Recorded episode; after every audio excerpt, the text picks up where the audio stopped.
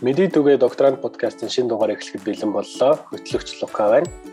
Өнөөдөр бид Австралийн Curtin их сургуулийн дэд профессор, хэл бичгийн ухааны доктор Довчингийн Сэндрийг урьж оролцуулж байна. Та сайн байна уу? Сайн байна уу? Намайг урьсан баярлалаа.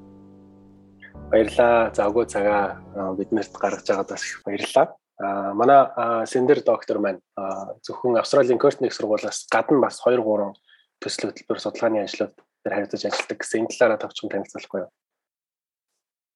Би Австралийн шинжилгээний каунслийн залуу эрдэмтэд өгдөг одоо төслүүд байдیں۔ судалгааны эрдэм шинжилгээний судалгааны төслүүд тэр судалгаан дээр бас ажилладаг. Тэр судалгаа маань 2018 оноос эхлээд одоо дөрөвт жил дээрээ явж байгаа. Нэр нь бол empowering young people in Australia through linguistic racism буюу монгол хэл дээр орчуулбал одоо Австрали дахь залуу үеийнхнийг empower болох те яаж empower болох вэ гэвэл linguistic racism буюу хэлэн дээр тулгуурлагдсан одоо ялгуурлан гадуурлалт үзэл гэсэн ийм сэдвтэй байгаа. Тэгээд энэ энэ сэдв дээр одоо дөрөвт жил дээр ажиллаад бараг дуусах шатндаа ороод явж байна. За өөр бас нэг Healthway Foundation, Баруун Австралийн Healthway Foundation гэдэг нэг foundation байдаг. Тэр foundation-аас бас сая шин төсөл авсан. А тэр төсөл дээр бол domestic violence буюу гэр бүлийн хүчирхийлэл болон гэр бүлийн хүчирхийллийг хэл шинжлэлийн талаас нь яаж судлах вэ гэсэн тийм шинэ төсөл дөнгөж саяхан авсан. Одоо тэрийг ethic ethical application apply хийх гэдэг ингээд сууж байна.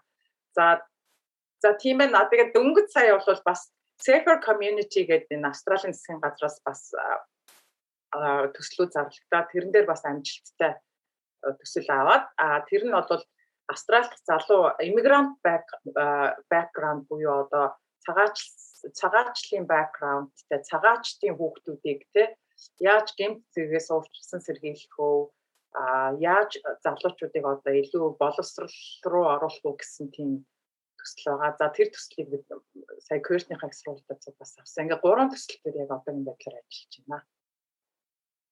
Баярлалаа. Өстой завгүй ажилт юм байна да тэгвэл.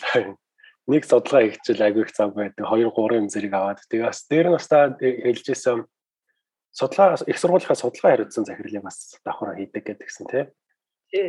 Энэ ажлаараа ер нь ямар хөө зүйл хийдэг бол сая одоо 1 сараас эхлээ 2022 оны 1 сараас эхлээ director of research буюу одоо эрдэм шинжилгээ хариуцсан захирал юм уу да тий сургуулийн сургуулийнхаа эрдэм шинжилгээ хариуцсан захирал гэдэг ийм шинэ position буюу ийм ажил одоо надад оногдсон. Тэгээд мэдээж бол дөнгөж шинээр аваад хийж байгаа болохоор зөндөө олон бэрхшээлүүд одоо тохиолдож байгаа.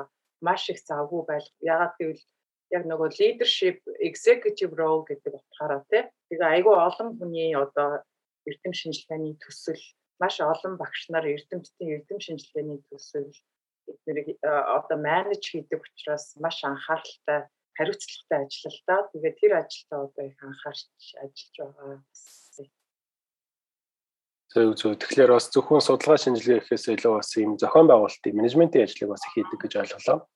Баярлалаа өөрийгөө танилцуулсанд бид нэр ингээд үргэлжлийн яриан дундаа бас илүү дэлгэрэнгүй зүйлүүдийг асуугаад явна гэж бодож байна. Өнөөдөр мөн бидэнтэй хамт зочин хөтлөгчөөр ирж байгаа боловсрол судлалын доктор сайн баяргаа урьсан байна. Сайн байна уу? Та өөрийгөө товчхон танилцуулна уу? За, сайн байцгаана уу? Димитри Миндурги. За, намайг сайн баяр гэдэг. Одоогоор Японы улсын Кётогийн гадаад судлалын сургууль багшаар ажиллаж байна. За, мөн үндсэн ажил бол юм байна. За, энэс гадна Кётогийн Кётод байдаг Дошишагийн их сургууль байгаа. За, Дошишагийн их сургууль бас мөн багшилж байгаа. За, хавчхандаа бол юм байна да. За ингээ өнөөдөр манай хоёр хүн маань хоёулаа доктор зэрэгтэй мөн том том ажлыг яадаг болохоор мөн салбарнаас ойролцоо болохоор их илүү гоё зүйлүүдийн талаар ярих өгөх болно гэж найдаж байна. Ингээд бид нэр жишээ гурван асуулт асуудаг байгаа. Хамгийн ихний асуулт нь бол манай доктор Сэндэр маань яагаад энэ хэл шинжилэл гэсэн ийм салбарыг сонгох болсон бэ? Ер нь бол багасаа их гадаад хэл сонирхдаг хүүхдээсэн л та. Тэгээд багасаа орс сургуульд явсан. Тэгээ орс сургуульд яваад ирэхээр жоох хүүхдүүд чи аяанда нөгөө хоёрдугаар хэл second language сураад эхэлдэг штэ тий. Тэгээд хоёрдугаар хэл сураад ирэхээр аяанда гадаад бас соёлтой танилцсан. Тэгээд ор сургуульд явж гиснээр бол миний одоо ертөнцийг үзэх үзэл маш их өөрчлөгдсөн гэх юм уу да. Тэгээд дараа нь тэргээрээ манай аав угаасаа профессор хүн л дээ их сургууль профессор тэгээд өөрөө бас орс хэлний мэрэгчлээ хүн тэгээд намайг гадаад хэл сурах юм байт юм аа гэх. Тэгээ орс хэл сурч гэснээр бол би ийм хэл шинжилгэд илүү их сонирхолтой болсон гэх юм уу да. Бүр багасаа л тийм пашнтэй байсан. Тэгэл орс орс хэлнээсээ өргөжлүүлээд цааш нь Монголд 90 онд ардчлал гарч ирээл англи хэл сураал те одоо MTV дээр орж ирээл одоо MTV дээр үзэл айгуу гоё санагдаад тэгээд тэгээ англи хэл илүү эрчимтэй сураад ихсэн орс хэл орс хэлээр дамжуулаад тийм тэгэл ер нь бол тийм гадаад хэл second language бол маш их багасаа сонирхолтой байсан гэж хэлэх юм уу да. Тэгээ ер нь багасаа л болов ийм хүн болно гэдгээ би ер нь мэддэг байсан. Зөв зөв. Тэгэхээр бас багын одоо хүмүүжил гэр бүлийн орчин дээр бүх зүйлийг нөлөөлсөн юм байна тий. А дараагийн маань жишээг асуулт болохоор та одоо ямар судалгаа хийж байгаа гэсэн та сая нэг 2 3 төсөл зэрэг аваа явчихсан болохоор сая сонсоход нөгөө илүү сонирхолтой надад сонирхолтой санагдсан судалгааны талаар асууя. Сая нөгөө гэр бүлийн хүчирхийллийг нөгөө хэл бичгийн талаас нь судалгаа хийж байгаа гэсэн тий. Тэр тэр талаараа товчхон биднэрт ярьж өгнө үү? Тэр бол дөнгөж сая шинээр авсан төсөл л дөө тий. Дөнгөж сая шинээр авсан төсөлтэйгээ бид нэр тэр төслийг бичих гэж нэлээд суусан literature review дээр хийгээд суугаад Тэгээ би чинь бол яг тийм гэр бүлийн хүчирхийллийн эксперт бол биш хэл шинжээч хүн шүү дээ тий. А тэгээд манай энэ төсөл бас гэр бүлийн хүчирхийллийн эксперт профессорууд ороод ингээд тийм interdisciplinary тийм төсөл ахгүй тий. Тэгээд тэд нар намайг урьсан яагаад намайг урьсан бэ гэвэл биднэрт ингээ хэл шинжээч хэрэгтэй байна манай энэ төсөл. Тэгээ яагаад хэрэгтэй байгаа гэхээр зэрэг гэр бүлийн хүчирхийл дотор одоо physical abuse буюу одоо биеэр ингэж хүчирхийлэл үзүүлэх одоо нэг нэгээ зохиж авах хаалгаас авч гарах ч юм уу те тэрнээс илүүтэйгээр одоо verbal abuse жишээ нь австралийн контекст илүү байна. Жишээ нь нэг үг хэлэхэд нөгөө хүн айгүй их тэгээ хоёр хос байлаа гэхэд нэг нь ингээд зөвхөн үгээр ингээд жишээ нь ямар нэгэн үг хэлэхэд нөгөө хос нөгөө хүн ингээд маш сэтгэл санааны дарамтанд ордог тий. Тэгэхээр тийм verbal одоо тийм анализис хийх гэж намайг өрсөн байлээ л дээ. Тэгэхээр бид нар юу хийх гэж байгаа вэ гэвэл одоо тийм domestic abuse өртсөн одоо хосууд те domestic ялангуяа domestic abuse domestic violence өртсөн эмэгтэйчүүд иммигрант гаралтай эмэгтэйчүүд яаж юм хэлний бэрхшээлд орж байдаг ягаад гэвэл бид нар англиар ярьж чаддгүй зөндөө олон англиар ярьж чаддгүй цагаачд гаралтай эмэгтэйчүүд австрал байна л да. Тэгээд тэд нар энд ирчээд айгүй их domestic violence буюу гэр бүлийн хүчирхийлэлд ордог. Яг л нөгөө англиар сайн ярьж чаддгүй.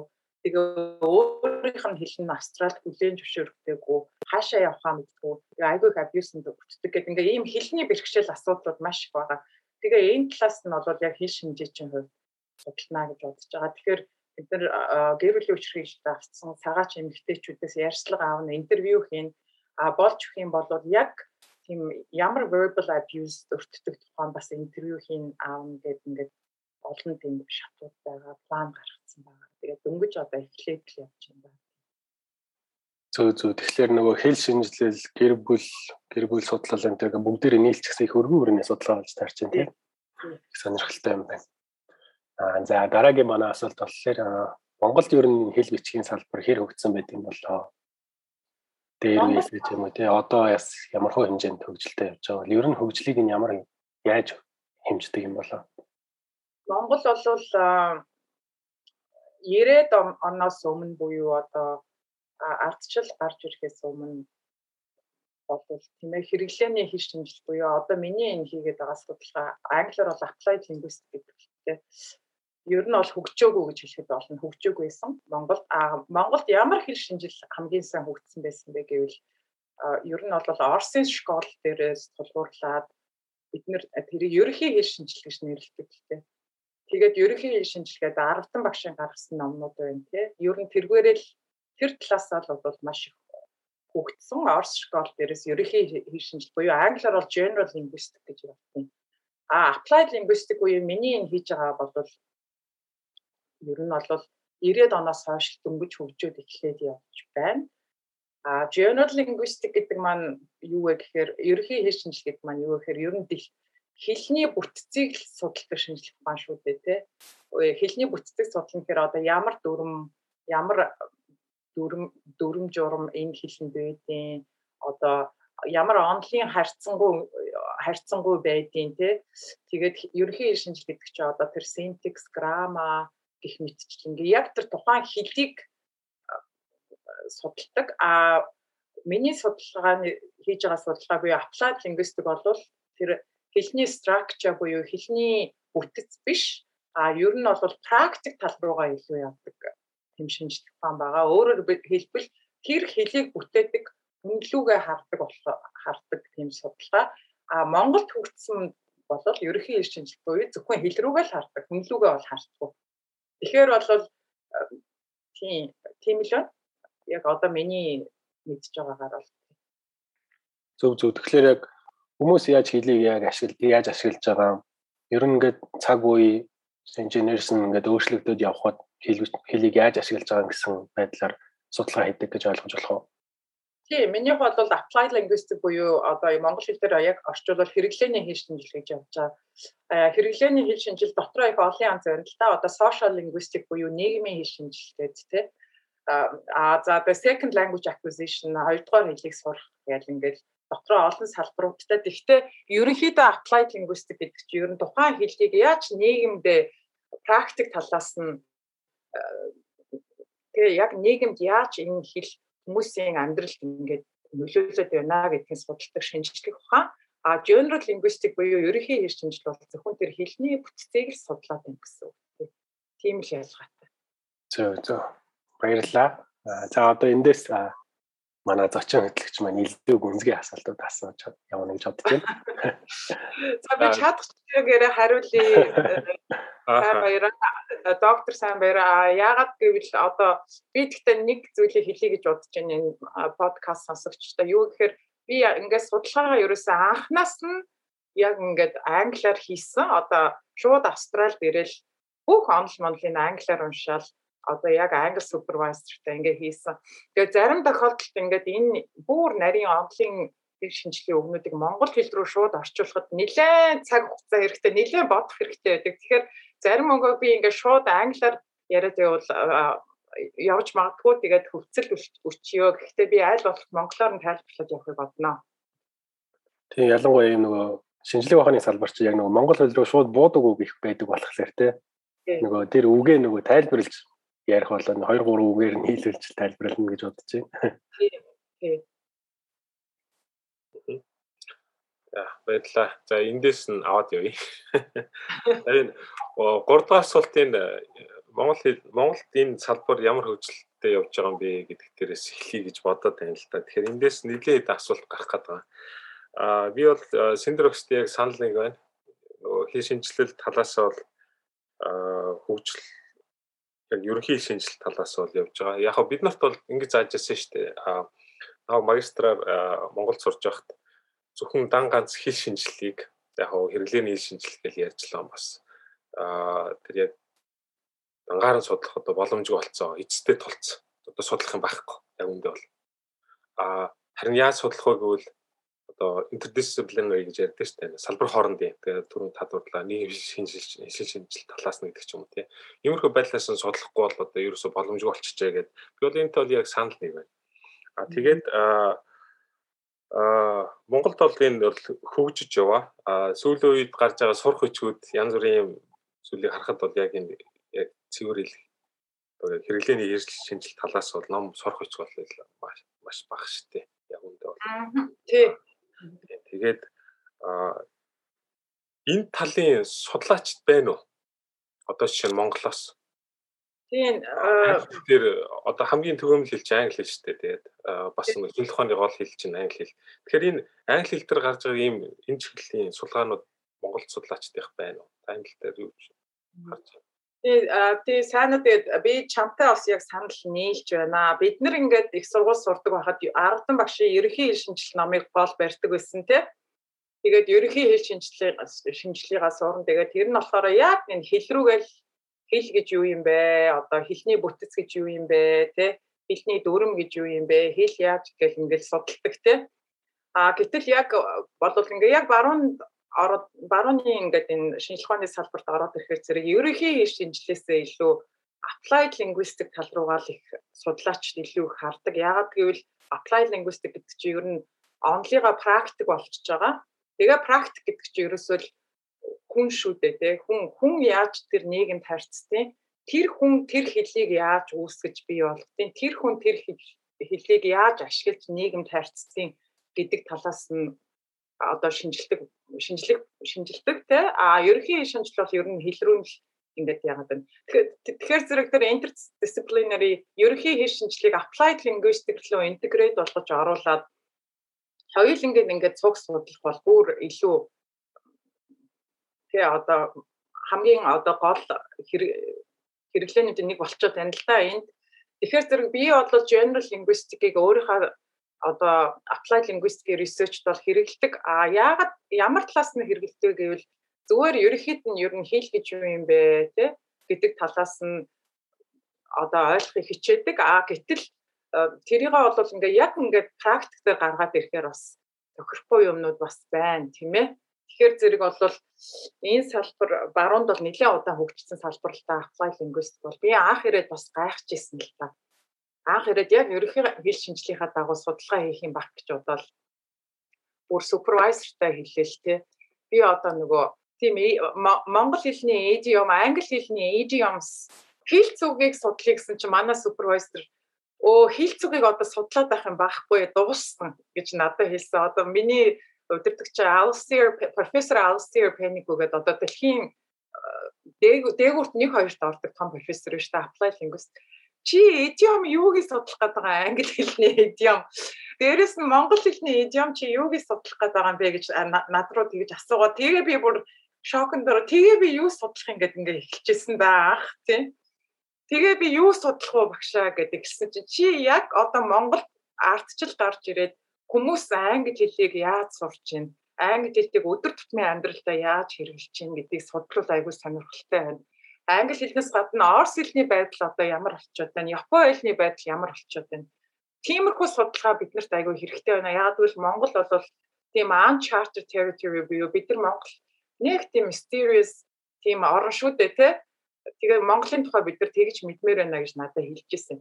За тэгээд чиний асуултанд хариулахад сайнаа applied linguistic-ийн шинжилгээ бол Монголд бол ерөнхийдөө хурдц удаан байна л гэж би дүгнмээр байна. Яагаад тэгж хэлж байна гэхээр одоо би ингээд судалгаа Монгол дээр ингээд аягүй судал Монголын контекстн дээр аягүй судалгаа хийгээд Монгол эрдэмтдийн applied linguistic-ийн тал дээр гаргасан ном одоо бүтээлэг ингээ харъя гэхээр үндэ надад олддгүй байхгүй тий би номын санд нь очиод хайна баахгүй энэ Кёртний номын сангаас очиод хайна баахгүй тий тэгэхээр ер нь бол яг энэ applied linguistic-ийн тал дээр бол ингээд яг ингээд одоо тийм бодтой тийм урам бүтээл бол байхгүй гэж би хэлэх байна.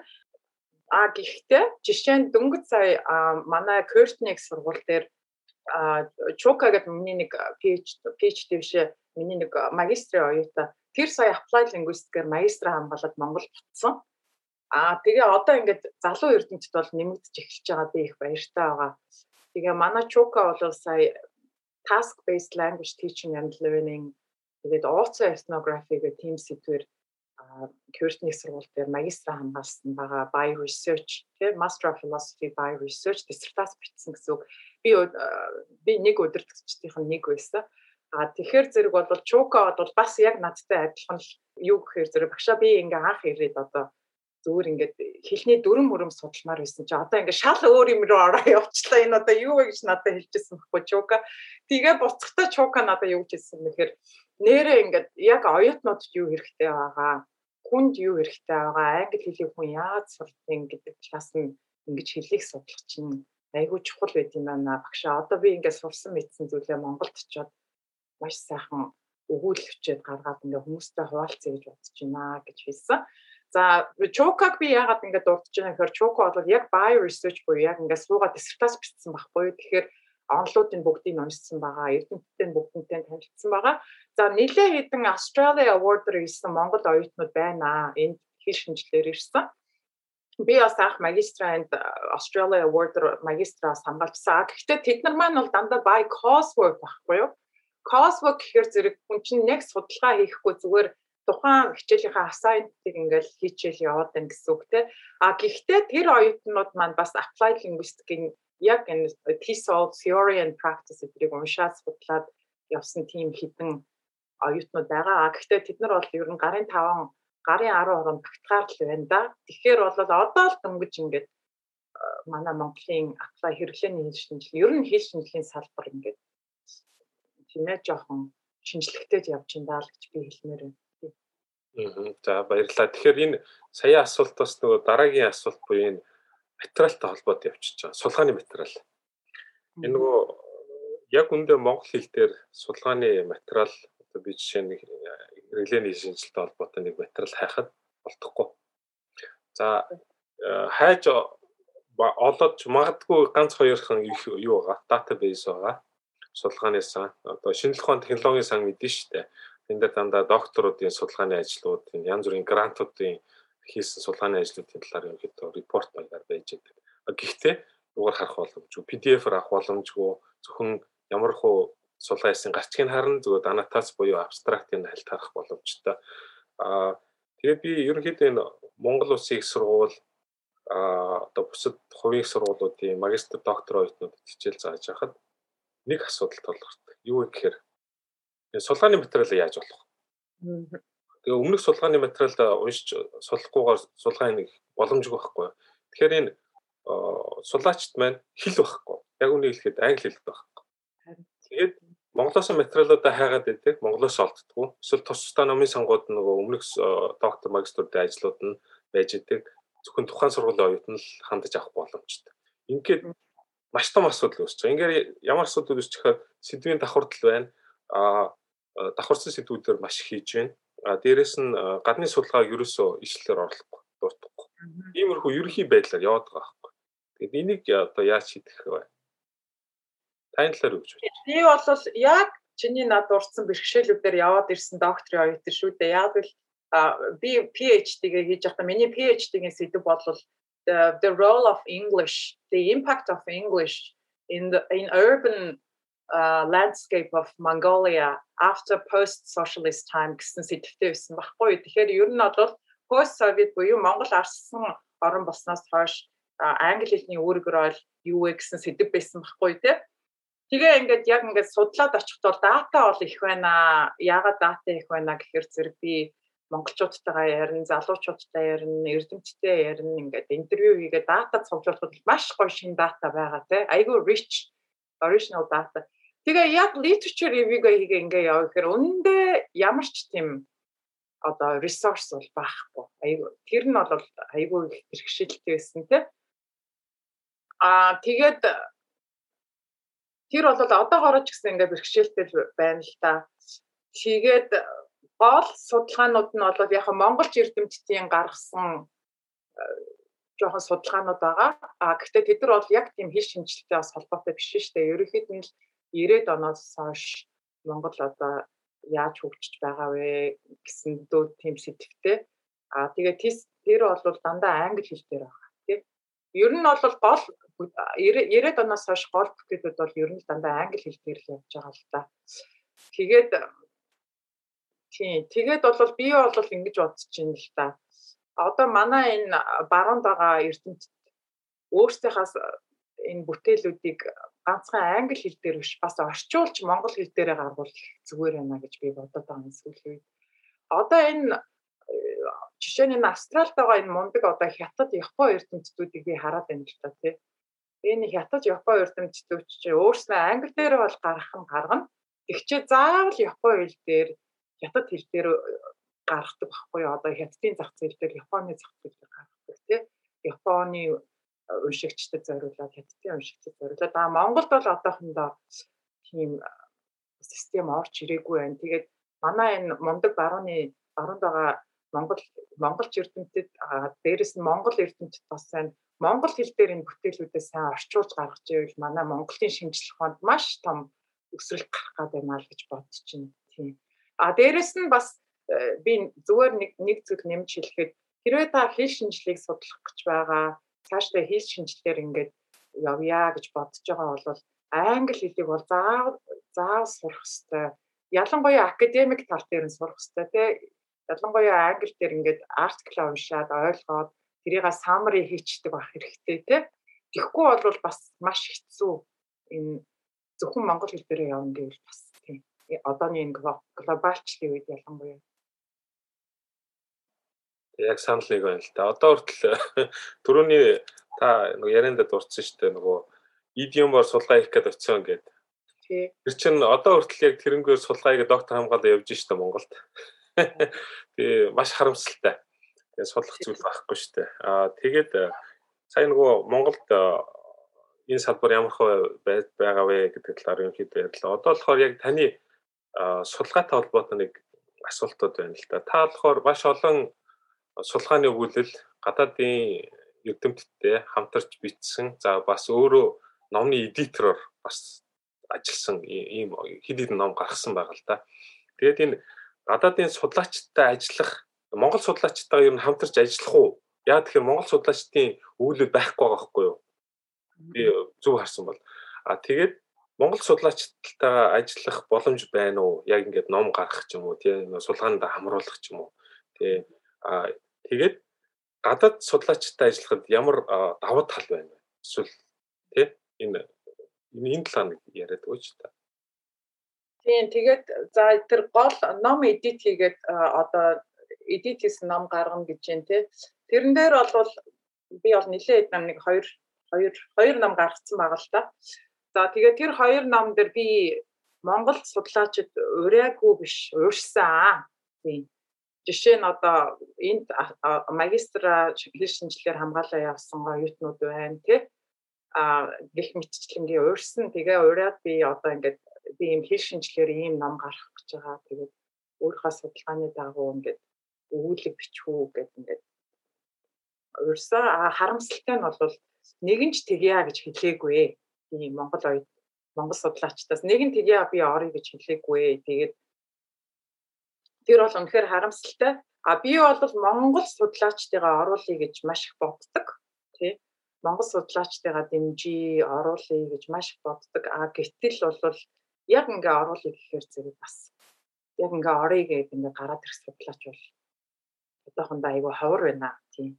Яг ялангуяа миний мэрэгчлэл дээр штэ хэл шинжилтээр мэдээж өөр салбаруудад өөр байдаг гэж магадгүй тийм ээ одоо ингээл би хараад байхад нөгөө нэг inner Asia гэдэг манай Монгол судлалын тухай нэг айгүй гоё сэтгүүл байдаг штэ Cambridge их сургуулиас гаргадаг тий. Тэрэн дээр бол манай Монгол судлаач тэдний гаргасан гоё гоё артиклууд байдаг л та. Гэхдээ тэр манай Монгол судлаач тэгэхээр тэд бүгдээрээ одоо яг баруунд ингээд судалгаагаа хийж байгаа л судлаачтай байдаг. Ингээ яг Монголд байгаа судлаачтайгаа оруулъя гэхээр зэрэг ихэнх нь ингээд за баста Тэгээ өөртөндөө жоохон ихтгэл хүч юм уу гэдэг. Тэгээ хамгийн гол нь би бол мэдээ за тэгэлдээгээд ингээд оруулал ингээд оруулсан л та. А гэтэл бол баруунд нэг юм юу байдаг вэ гэхээр баруунд ингээд ном гаргах гэхээр яг нөгөө дедлайн айгүй стрикт дедлайн ингээд баригдсан тий. Одоо ингээд энэ номоо жишээ нь бол ингээд яг 5 сарын 2022 оны 5 сард 22 ингээд сүүлчих нэг өгнө шүү гэдэг ингээд дедлайн тий. А гэтэл тэр дедлайнс нь өмнө ингээд чаптра жишээ нь би э, өөрийнхөө тэр э, миний номонд зориулж бичиж байгаа эрдэмтдээс авч чадахгүй бол бусад ингээд бүх тийм ээ эрдэмтдийнхээ ажлыг хойшин татна гэсэн үг. Тэгэхээр тэр тал дээрээ ч гэсэн бодохоор зэрэг ингээд тийм асуудлууд гараад ирдэг л дээ тийм. Аа одоо би сая саяхан нэг edit volume Rattledge дөнгөсөө контракт хийсэн байгаа. За тэрэн дээр бол нилээ хэдэн Монгол оюутнуудыг би уурж оруулсан байгаа тийм. А тэр Монгол оюутнууд маань болохоор одоо саяны миний дурдсан миний оюутан Чука гэж байж байгаа тийм. Чука бол одоо бол би ингээд өөрийнхөө өгүүлбэрийг оруулъя гэж чинь зөвшөөрсөн байгаа тийм. Тэгэхээр зэрэг би Монгол судлаачтай юу гэж хэлэх вэ гэхээр зэрэг өөртөө маш ихтэй ингээд ямар нэгэн боломж буюу opportunity гараад ирэх юм бол үгүй гэхийнхаа оронд би ингээд орё та надад туслаач ээ гэд IT motivation өндөртэй байвал одоо ялангуяа баруун байгаа эрдэмтэд барууны эрдэмтэд одоо нэг ийм дискос гараад ирсэн байна л да. Бидний дунд одоо global south байгаа эрдэмтэд байгаа дээ тий. Одоо одоо researchers in the global south гэдэг чинь одоо дэлхийн хоёр хуваагдчихад байна. Global north global south тий. Global south гэдэг нь одоо эдийн засгаараа political буюу улс төрийн талаараа санхүүгийн талаараа бол жоохон тийм бас л ингээ хөгжиж байгаа орнууд ордог. А Global North гэхээр одоо бүр ингээ өсрөнгөө хөгжсөн орнууд орж байгаа.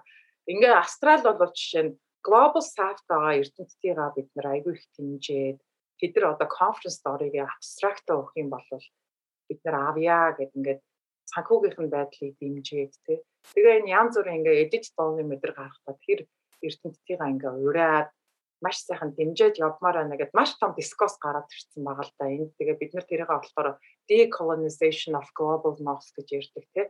Global north-ыг ингээд колоничлолоос нь болиулаад global south-ыг ингээд маш include include болё. Тэгэхээр global south-ын эрдэмтэд бол маш их боломж гарч ирж байгаа. Ер нь бол маш их дэмждэг тийм.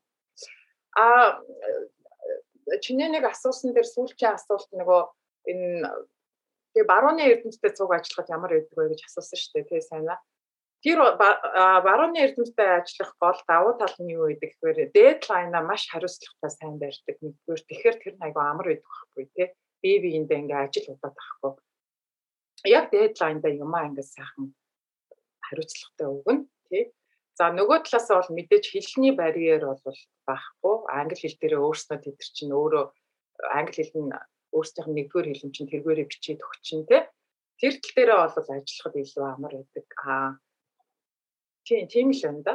Бол ялгаа нь бол аа тэгээд тэд нар бол мэдээж өөрснөө айл оюутан байхасаа л энэ бүх ном номыг уншсан байгаа бүх resource нь available байж н одоо бүх юм л available байж штэ тий. Тэгээ тэр тал дээр бол бидэрт бол ямар ч юм дутагдах гачигдах зүйл байхгүй бүх access бол байна л та. Тэгээ даваа талтай л байгаа л да. Тэгээ баяр юу? Бас Монгол судлаачтай ингэж оролцуулж тэгээ цаашдаа бас судалгаанд бас аль болохоор оролцуулахыг бодороо тэгээ сонсож байгаа магистр доктор оюутнууд байгаа л да. энэ талаар судалгаа хийж байгаа. Тэгээд синдрогчтой холбоо яриад судалгааны ажилд нь хамтрах ч юм уу. Тий одоо чинь ядч дата цуглуулахад нь одоо хамтарч оролцож болно шүү дээ тийм ээ. Монгол холбоотой гэх мэтлэн тий тэгэхээр нөгөө синдрогчийн судалгааны өгүүлбэрийг уншаад тахаар нэг юм анзаардаг байхгүй зүгээр Монгол судлаачд англиар ч Монгол судлаачдад бас харьцуулж бас бас бас гадаадын судлаачтай харьцуулж харахад аюух тийм онол дээр түшгэлж хийсэн байдаг байхгүй их онлууд ямар ямар ялгаатай ямар онцлогтой хин хин юу гэж э, одоо одоо claim хийсэн тий. А тэгээд миний нөгөө positional гэж байна миний одоо судалгаа энэ дунд альд нь багтах юм тий. Эсвэл энд нь үүсгээд байгаа юм уу эсвэл батлах юм уу нотлох юм уу гэдэг энэ тал руугаа аягүй сайн тайлбарладаг тэр литератур ревю дээр их тайлбарлаж оруулдаг. Аа тэгээ маш их ишлэл авдаг. Ишлийг их авах авах их юу буруу гээл одоо жишээ нь тиймээрээс гарсан байдэн шүү дээ. Нэг үйлбэрчээл нэг ишлэл. Одоо энэ одоо юу гэсэн үг юм гэдэг ч юм уу. Тийм тиймэрхүү хүмүүс бас яриад байдаг. Тэгээд тэр хүмүүс сонсож байгаа бол ишлэл авах хэвээр тэр онлайн талын та холбоотой нэг юм асуулт байгаа байхгүй юу? Монгол судалгаанууд онол дээр нэг суурилдаг бай. Яг үннийг хэлэхэд нэг юм одоо би хүмүүлийн талын судалгаа хийж байгаа. Аа зүгээр ерөнхийдөө өөрийнхөө бодсон эсвэл хин нэгний одоо өгүүлэл янз бүрийн юмас уншичаад тэгээд тэтгэрийг ижил авахгүйгаа. Тэгээд шууд ингээд судалгааны ажлууд ингээд бичээ боддог. Тэгэхээр энэ онл ер нь чухал юм уу? Энэ судалгааны ажил. Яагаад чухал юм бэ гэдэг талаар та нэг магистр доктор оюутнууд тий яг ингэ судалгааны ажлаа бичиж байгаа хүмүүст нэг зориулаад нэг хэлээд өгөөч. Тий, онл дээр тулгуурлах бол ер нь яагаад бид нар шинжлэх ухаан гэж яриад байна гэхээр ерөөсөө онл гэсэн үг шүү дээ. Шинжлэх ухаан ч онл шүү дээ, тийм ээ. Тэгээ бид нар Doctor of Philosophy гэж ярьж штэ. PhD гэдэг чинь Doctor of Philosophy. Philosophy гэдэг чинь юу вэ? Ер нь бол сэтгэхүй, бодол, онол гэсэн үг штэ, тийм Аа тэгээд онолгүй шинжлэх ухаан гэж бол байхгүй. Хэрвээ онол байхгүй болчих юм бол угаасаа шинжлэх ухаан биш болчих шүү дээ. Зүгээр тэр чи одоо нэг медиа буюу одоо нэг нэг сонд ярьслага нэг хүн ингээ өөрийнхөө бодлыг бичсэн байдаг шүү дээ тий.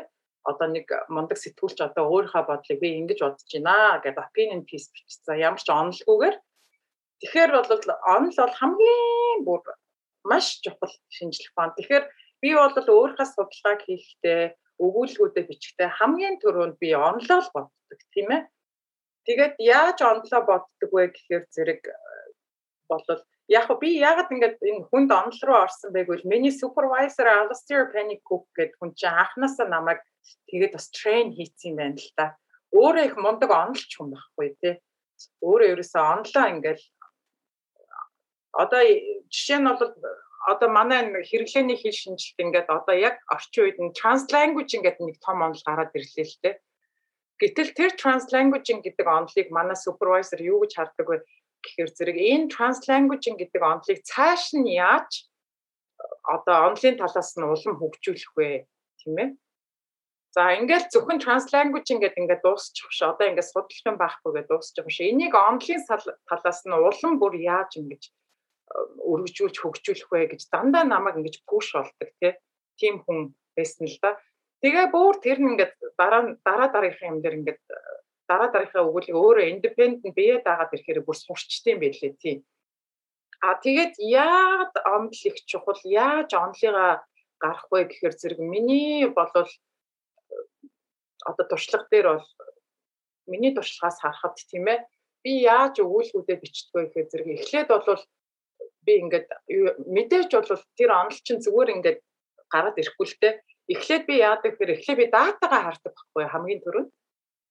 Датагаа харна тий шин датагаа. Тэгээ датагаа ингээд харахаар зэрэг тэр тэр дата дотор маань ингээд янз бүрийн гой сонирхолтой сонирхолтой одоо ингээ ID-нууд гараад ирсэн биз дээ хүмүүсийн надад хэлж байгаа. Би одоо юу гэдэг те жишээ нь бол англи хэл бол манай Монголын залуучуудыг одоо баглж байна. Манай Монголын залуучууд одоо англиар яриад монголоор ярьж чадхаа болчлоо гэд нэг даант дээр нэг том ингээд зэм гараад ирлээ шүү дээ тий. А гэтэл нөгөө нэг хэсэгт нь бол жишээ нь залуучуудад нь ярихаар зэрэг юу гэж англи хэл бид нарыг одоо ингэж дарамтлж яах юм бид нар л англи хэлийг дарамтлж байгаа шүү дээ. Англи хэлийг чинь бол зөвхөн хэрэглээндээ л өдөр тутамдаа л хэрэглэдэг болохоос ш тэгж Монгол одоо хэл соёлоо ингэж устдал нь бол бид нар тэгдгүүгээд дахиад нэг том сэдв гараад ирж байгаа үст тэ. Тэгэхээр тэр хоёр датагаа би эхлээд бол маш сайн ингээ хайцуулж араад аа тэгээд тэр хоёр датагаа ингээд сайн ойлгосныхаа дараа яг тэр хоёр датагаа холбоотой онлуудаа уншиж эхэлнэ. Тэ? За жишээ нь бол англи хэл бол Монголд гарч ирснээр монгол хэл соёлыг балж байна гэдэг чи одоо linguistic imperialism гэсэн онол байгаа байхгүй том онол ерөнхий хэл шинжилт Тэгэхээр тэр linguistic imperialism гарч ирсэн гол одоо хүмүүсийн бичсэн зүйлийг уншин тий. За тэгээд тэр онлоо маш сайхан ойлгочоод за нөгөө нэг сэдв байгаа шүү дээ тий. Англи хэл бол зөвхөн ингээ хэрэглээний хэл болоод тэгж монгол хэл соёлд бол тэгж одоо монгол хэл соёлыг бүр балталн тэгээгүй байна гэсэн нэг тийм том дискус байгаа. Тэрний бас ингээ онлыг уншин тий. Тэгээд тэр хоёр онлоо ингээд уншичаад Тэгээд тэр хоёр онол дээрээсээ тулгуурлаад за энэ хоёр онол ингээд ингээд гарсан байна. Тэгээд дата нь юм байна. За тэгвэл яаж энэ хоёр онолоос цаашаа 3 дахь онолоо гарах вэ гэдэг асуудал гараад ирж штеп. Миний өөрийн position юу юм бэ те? Миний өөрийн position юу юм? а яг судлаач хүний хувьд миний өөрийн позишн юу вэ гэдгээ гаргаж ирэх ёстой. А гэхдээ би өөрийнхөө позицийг шууд ингээд яг сэтгүүлч хүн шиг ингээд бичиж болохгүй. Би өөрөө судлаач хүн шиг онол дээрээ тулгуурлаад бас л нөгөө literature review дээр одоо тулгуурлаж өөрийнхөө position-ыг гаргаж ирэх хэрэгтэй. А тэгэхээр би position-а өөрийнхөө онцлог юу гэж гаргах вэ гэвэл за би ингэж гаргадаг байхгүй юу. За миний ингээд судлаачд бол жишээ нь linguistic imperialism гэдэг ингээд ингэж literature review-д ингэж бичсэн байна а дата дээр бол энэ хүмүүсийн бодол ингэж харагдаж байна. За нөгөө тал нь бол англи хэл бол ингээ глобалчлын чухал хэл болоод хүмүүс ингээ өдөр тутмын хэрэгж байна гэсэн сэдв гараад ирлээ. А энийг бас судлаач ингэсэн байна. За би бол энэ хоёр дээр ингээд судлахад бол миний онол бол жишээ нь те ерөөхдөө бол судлаач хүний хувьд одоо миний гаргаж байгаа онол бол тийм ээ англи хэл англи хэлийг одоо иймэрхүү пост совет орон Монгол гэсэн оронд бол тухайн хүмүүс нь ингэж боддtiin байна. Нэг хэсэг хүмүүс нь одоо linguistic imperialism гэж боддсон байна. Нэг хэсгүүд нь ингэж боддсон байна. А миний гаргасан дата дээр бол одоо яг ийм байна гэд өөрийнхөө судалгааг онлыг ингээ гаргах хэрэгтэй. Тэгж л явд юм да. За яг ингээд дүгнж хэлэхэд бол эхлээд датагаа хардаг. Бүх датагаа хараа датагаа гоё ингээд semantic analysis хийчихэд тэгээд байгаа уншаад яг тэр дататайгаа холбоотой литерчүүдээ хараад уншаад ирэхээр аяандад миний өөрийн positionality судлаач хүний position гараад ирдэг. А судлаач хүн бол хизээч өөрийнхөө бодлыг тулгаж болохгүй өөрөө тийм bias байж болохгүй судлаач хүн бол заавал дата дээр тулгуурлаа заавал иш татаж бусад эрдэмтэд юу гэж хэлсэн байна тэд нартай ингэж өгүүлэхээрээ converse хийж өөрийнхөө бодлыг гаргах хэрэгтэй. За их баярлалаа. Энэ болохоор нөгөө магистр доктор оюутнууд маш чухал хэрэгтэй юу юм байгаа. Яг ялангуяа нөгөө онол онол дээр үнэлж хийх үгүй гэдэг асуулт маш их асуудал болохоор тэгэхээр нөгөө энэтэй холбоотойгоор дараа нөгөө дата цуглуулах асуудал байна л да. Тэгэхээр Сэндэр багш э, сулгаанаас харахад ерөнхийдөө чанарын судалгаад голчлон хийд юм байна гэж би зөвхөн харсан. А тэгээд датаныхаа биш сулгааныхаа сэдвүүдийг яаж олд юм бэ?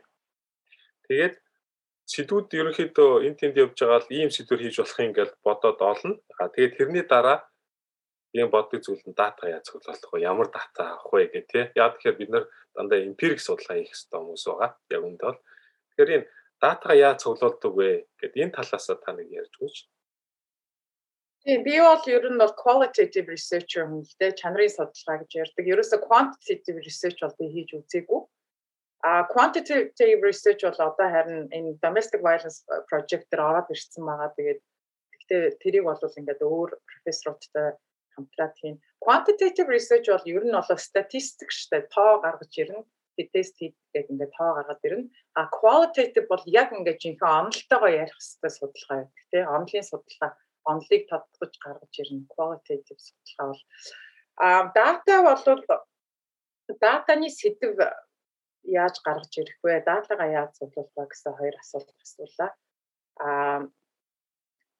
датаны сэдв бол би ингээл яаж гарч ирдэг вэ гэхээр ер нь сайн өгүүлбүүд л уншин да орчин үед гарч ирээд байгаа шин шин өгүүлбэрүүд уншин да. Ингээ өгүүлэг гарч ирээл тэр өгүүлбэрүүдийн датаных нь хэсгийг ингээл уншин штэ тий. Тэгэхээр ингээл гинт надаа жишээ санаа орж ирдэг байхгүй юу. Энэ Монгол бас яг ингэдэг штэ. Монголд энэ яадан. Тэгэл ингээд тэр өгүүлгийг уншаал явж байгаа гинт ингээд онлын айгуу гой санаа ороод ирнэ тий. Тэнгүүт чинь энэ онл чинь Монголын контекстн дээр яг айгуу гоё тэр контекстн дээр нь айгуу гоё тохирох юм биш тэгээд эрдэмтэн хүнд аяанда ингээ ороод ирдэг байхгүй. Тэгэхээр миний зөвлөгөө бол өгүүлбэрүүдээ сайн уншаад ялангуяа тийм чанарын qualitative research-ийн өгүүлбэрүүдийг сайн уншаад хүмүүс яаж датанд approach хийсэн байна гэдгийг сайн харах хэрэгтэй. Өөрөөр хэлбэл research methodology section гэж байдаг шүү дээ, тийм. Тэр section-ыг маш сайн унших хэрэгтэй. Хүмүүс датагаа яаж зөвлөсөн байна? Тэр датагаа яаж анализ хийгээд, яаж гоё дата анализ хийгээд өөрснөө тайлбарлаад онолтойгоо холбогдсон байна ингээд та нар уншиж байвал жишээ нь data analysis section чинь дандаа онолтойгоо холбогдсон байгаа шүү дээ. Одоо би data analysis section ингээд бичиж байхдаа дандаа онолтойгоо холбогддог байхгүй юу. За би дээр онол дээр ингэж бичсэн. Миний дээр бичсэн онол чинь энэ дээр яг ингээ гараад ирлээ гэ датагараа баталдаг тий. Тийм. Тэгэхээр зэрэг болвол ер нь бол өгүүлбэрүүд сайн унших хэрэгтэй. Эрдэм шинжилгээний бүтээлүүд маш сайн унших хэрэгтэй. Эрдэм шинжилгээний бүтээлүүд уншаад ирэхээр зэрэг аяанда ингээд энэ миний яг ингээд сонирхдаг энэ контекстн дээр энэ бол айгүй сайхан юу болох юм байна тийм ээ дата болох юм байна гэдгээ бод. Яг шинжлэх ухааны одоо тийм бүтээлч creative mind талаас нь шүү дээ тийм шинжлэх ухааны хүн чинь бас жоохон creative байх хэрэгтэй. Бүр одоо бүр creative artist бол биш л те. Зүгээр одоо innovative гэх юм уу тийм innovative байх хэрэгтэй тийм. Ялангуяа тийм шинэ онолыг яаж гаргаж ирэх вэ яаж шинэ энэ онолыг бүр ингээ expand болох уу гэдэг ингээд маш сайхан сорго байх хэрэгтэй тийм байх хэрэгтэй. А тэгээд миний давуу тал австралид юу байсан бэ гэвэл Монгол ерөөсөө урд нь огт судалгатаагүй байсан байхгүй тий анх ирээл одоо би идиом судалъя гэж ирсэн чинь идиом судлахгүй гэж манаас байсан чи харин Монгол тэр ардсан орон бусаас л гадаад хэлний байдал ямар байна тэрийг тэр institutional non institutional context-ээр судлаад байвал аягүй сонирн байна гэж бодож байгаа тийм. Гэх мэтчлэнгийн ийм гоё unique original сэдв байнга хайж байгаарай гэж хэлмээр байна оюутнууд original voice гэдэг тийм ээ. А тэгээ дээрэс нь бас ингээд нийгэмд хэрэгтэй хүнд хэрэгтэй сэдв бас байн эрэлхийлэх хэрэгтэй. Зүгээр өөрийнхөө амрыг одоо за за би ингэ хийчих юм бол надад амар юм байна гэж хизээж бодож болохгүй тий. Яагаад гэвэл тэр чинь бол буцаал тэгэл чам дээр ямар ч сонирхолгүй тэгэл тийм судалгаа хүн чинь бас ингээд олон жил судалгаа хийж байгаа юм чинь бас нийгэмдээ хэрэгтэй судалгаа хийх хэрэгтэй шүү дээ тийм ээ. Тэгэхээр за би энэ ингээд сэдвийг авах юм бол нийгэмд ямар хэрэгтэй юм миний салбарт ямар хэрэгтэй юм гэдгийг маш сайн бодох хэрэгтэй. Одоо би хамгийн сүүлд энэ domestic violence abuse, domestic гэр бүлийн хүчирхийллийг хил шинжилтэй яаж холбогдох вэ гэдэг ийм interdisciplinary ингээд сэдв гараад ирлээ шүү дээ. Энэ сэдв бол жишээ нь бол Австралид бол domestic violence-ыг хил шинжил талаас нь судлааг байгаа тийм. Тэгэхээр бол энэ бол миний original бодол тийм би энэ би энэ сандлыг бол бусад одоо domestic violence expert-үүд гаргасан чинь domestic violence expert-үүд бол наад чи айгүй чухал сэдв байна. Ягаад гэвэл verbal abuse гэдэг чинь бол маш чухал юм аа domestic violence гэдэг. А тэгээд domestic violence гэдэг чинь манай нийгэмд ямар хэцүү одоо эмзэг сэдв билээ те. Иймэрхүү чухал чухал сэдвүүдийг заавал хөндөх хөндөл илүү судалгаа чинь маш өргөө үрээтэй маш хүнд одоо өртөмжтэй өөртөө баш айгүй гоё тийм тааламжтай болж ирнэ штэ судлаач чинь бас хийж байгаа юмнаас таашаал авах хэрэгтэй. Тэгэхгүй бол хийж байгаа юмнаас таашаал авахгүй бол хизээс судлаач урагшаа явахгүй тий. Гэх мэтчлэн байна л да. Тэгээд одоо хамгийн сүүл жишээ нь миний маги одоо докторийн ажилд одоо олон жил болоод өнгөрчлөө. Би чинь анх ингээд 90-ад оноос хойш англи хэлний байдал гэдэг ингээ яхаар зэрэг нөгөө залуучуудын хийлгээл ингээд social media, popular music гэж явчихж байгаа дээ, тий. Pop хөгжим гэл ингээд явчихж байгаа. Тэгээд тухайн үед бол тэгэл жоохон юу ингээд хип хоп гэдэр гарч ирээл Монголд ингээд англи манглаар хойлж яагаал тэгээ нөгөө нэг ямар хамтлаг үлээ одоо хип хоп янз бүрийн монгол хамтлагууд байдаг шүү дээ. Тэр мэр гарч ирэл тэдрээс би ярьцлага марьцлага аваад ээ саунд гээл тий. Тий, тий. Ээ саунд гэл нөгөө англиар аягүй гоё дууга тий зохиодог хамт гээл тэдрээс ингээл ярьцлага ингэр аваад ингээл шал өөр ингээл аягүй гоё судалгаа болж ирж байгаа байхгүй тий. Тэгээ тэр чинь судлаа судлаа сүултээ ингээ заа заа ингээ ойлгомжтой болтой гэл ингээ сууж исэн чинь сая гинт хүү гэж хамтлаг гараад ирж байгаа байхгүй тий. Хүү гэд маш гоё юм research шинэлэг сэдв гараад ирлээ шүү дээ. Яагаад тийм шинэлэг сэдв вэ гэхээр зэрэг хүүгэд хамтгчин жишээ нь энэ Австралид бол миний бодсоор бол маш алтартай байна. Австралчууд бүгд мэдчихээн хүүг тий. Одоо Монгол гэхээр хүү гэдэг болсон би бүр гайхаад бүр Австрали хүн болгон мэдчихээн. Тэгэхээр энэ гоё сэдв дээр бол ингээд манай хэл шинжээчдээс ажиллах хэрэгтэй гэж бодож байна. Тэгвэл одоо гих мэт ингээ имиж жоохон өргөн талаас нь харах хэрэгтэй л гэж би хэлэх юм да. Зөвлөх юм да. Өргөн талаас нь заавал тий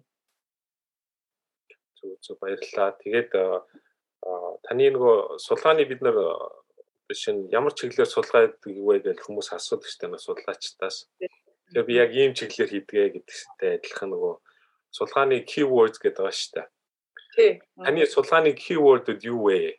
Одоо чинь pop culture, digitalization гэх гих мэтлэг үгнүүд байна л да. Тэгэхээр та судалгаа хийж байхдаа шинээр онлнээс нь онлайныг баталсан уу? эсвэл үгүйсгсэн үү? Тий энэ бол их чухал шүү дээ. Тэгээд өөрийн чинь цэндэр гэл нэр гарч ирэхэд дагалдаж гарч ирэх үг гэвэл ямар үгнүүд авах вэ гэдэг. Тий би бол юу ер нь бол би нөгөө post structurally applied linguistics гэж явдаг л да. Ерөнхий хэл шинжил буюу general linguistics-тэй structural linguistics-тэй сайна одоо хэлийг ингээд яг юу талаас нь structure талаас нь судалдаг. А минийх бол post structuralist буюу хүн талаас нь судалдаг гэдэг ингээд явж байгаа. За яг keywords гэх юм бол одоо сүүлийн үед энэ хэрэглээний хэл шинжилэлт нэг гол тренд гараад ирсэн байна. Тэр тренд нь юу вэ гэхээр зэрэг trans perspective гэж гараад ирсэн байгаа. Trans тий. А trans гэдэг нь маань юу гэсэн үг вэ гэхээр зэрэг хэлийг одоо гадаад хэлний байдлыг яг байгаа бодит талаас нь судлах. Яг тэр хүн хэлийг яагаад тухайн үед тэгж хэрэглэсэн бэ гэдэг талаас нь судлах. Тэрнээс биш хэл рүү бол ерөөсөө харахгүй. Тэ хэлийг бол ерөөсөө судлахгүй. Зөвхөн хүн талаас нь identity талаас нь судлан гэсэн нэг тийм гол урсгал гараад ирсэн байгаа. Тэгэхгүй бол хэл шинжилч гэсэн applied linguistic буюу хэрэглээний хэрч шинжилж гэсэндээ баруун баруунд бол урд нь бас л general linguistic талаасаа ингээл хэл рүү нь харж исэн баггүй. Жишээ нь bilingual study code switching гэхээр нөгөө нэг хэлийг хооронд нь хольж ярих гэдэг байгаа шүү дээ. Тэгэхээр ингээл урд нь ингээл 90-ад оны үеийн 2000 ихэд оны үеийн судалгаануудыг харахаар зэрэг жишээ нь бол Америкт ингээд Америкийн одоо иммигрантууд яагаад англи, испани хэр хоёрыг хольж ярьдаг вэ гэсэн судалгаанууд байгаа юм. Тэгээд тэрнлөө харахаар Эрдэнэт дандаа англи хэлийг ингэж хэрэгжсэн байна. Испа хэл ингэж орсон байна. Ингээ хэлийг ингээ жоохон категори болгоод англи, испа хэл хоёроос нь судлаад байдаг. Хүмүүсээсээ нэг судалгаа аваагүй жишээ нь тийм. А одоо бол маш том өөрчлөлт ороод байна. Post structuralist буюу trans perspective гэхээр trans perspective гэдэг нь юу гэхээр дотор нь trans language гэдэг нэг том онол ороод ирж байгаа юм trans language юм хүн хэллийг хүн тухайн хэлээр ярихдаа өөртөө available буюу өөртөө боломжтой байгаа тэр resource-ыг хэрэгжилж ярьдаг. А тэрнээс биш бол тэгээ яг ингээд тухайн хэл талаас нь яг хэлнийхэн бүтц рүү ингээд судлах юм бол маш тийм лимит судалгаа болно гэдэг. Тэгээ keywords гэх юм бол би одоо trans perspective буюу trans languaging, translingualism гэдэг тэр тал дээр бол ерөөхдөө би маш их олон бүтээл хийсэн маш их олон бүтээл гаргасан. Тэгээ тэр тал дээр бол ерөөхдөө юу яагаад байна л та. Миний гол keyword болчиход байна л да applied linguistics.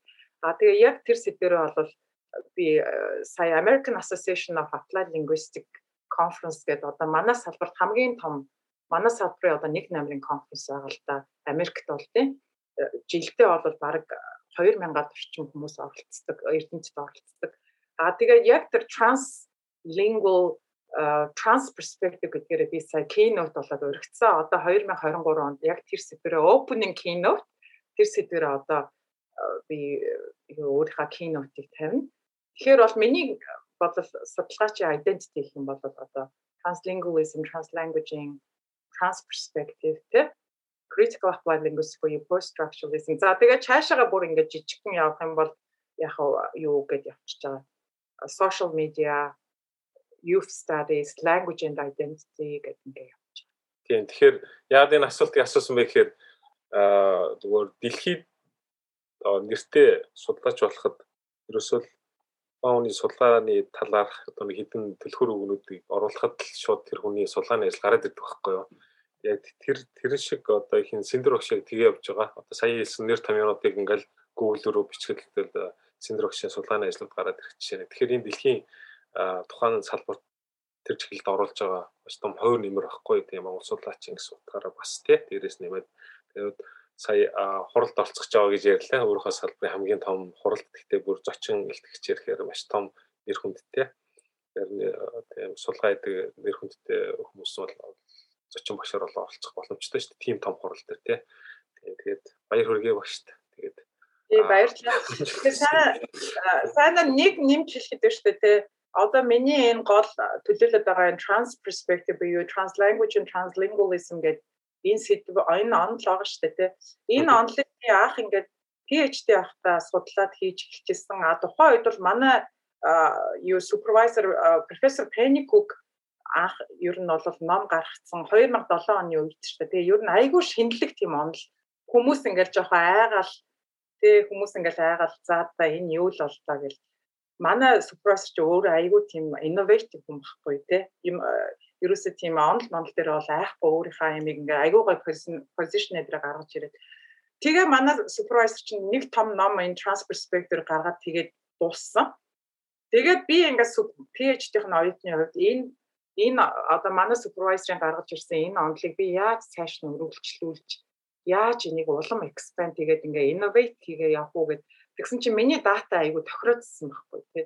Тэгээ датаараа тулгуурлаад энэ за trans language ингээд энэ онолыг би одоо энэ датагаараа бүр ингээд юу яа өргөжүүлээ. Жишээ нь бол translingual э, playfulness буюу зөвхөн урд нь дата нь бол зөвхөн ингээл залуучууд хоорондоо ингээл rock pop энэ тухай ярихдаа ч юм уу social медиагаар харилцагтаа trans language-ийг хэрэглэдэг байна гэл ингээл зөвхөн тэр тухайл аягүй судалгаа гараад ирсэн чи одоо бол би юу гэж аргу хийж байгаа гэхээр зөвхөн тэр одоо тий хоорондоо зугаацах ч юм уу playful байдлаасаа тэгж trans language-ийг хэрэгэлдэг юм байна. Австралид байгаа монгол цагаачд бол trans language-ыг юун дээр тулгуурч хэлдэг бол хоорондоо ингээд зовлон бэрхшээлээ иммигрант хүний хувьд ярихад trans-language амар хоорондоо ингээ англи монгол холж ярьдаг байхгүй. Тэгээд ингээ англиар монголоор хоорондоо яриад ингээ уйлаад сэтгэлээ нээгээд тэгэхээр зэрэг тэр дата ерөөсөө байхгүй байгаа жишээ trans-language нь онл дээр. Тэгээд би тэрийг ингээд trans-language бол зөвхөн ингээд хүмүүс хоорондоо social media-гаар харилцаа дуу бодуулах биш юм байна. Бүр уйлаад ингээ бүр ингээ хоорондоо иммигрант хүний хувьд зовлон бэрхшээлээ ярьцгаад айгүй их чухал үүрэг гүйцэтгэх юм байна гэдээ ингээ гаргаад би сая өгүүлэг бичсэн байгаа дээ. Тэгэхээр эн чинь онлыгаа ингээд цааш нь улам ингээд өргөжүүлээд яваад байна гэсэн үг байхгүй тийм.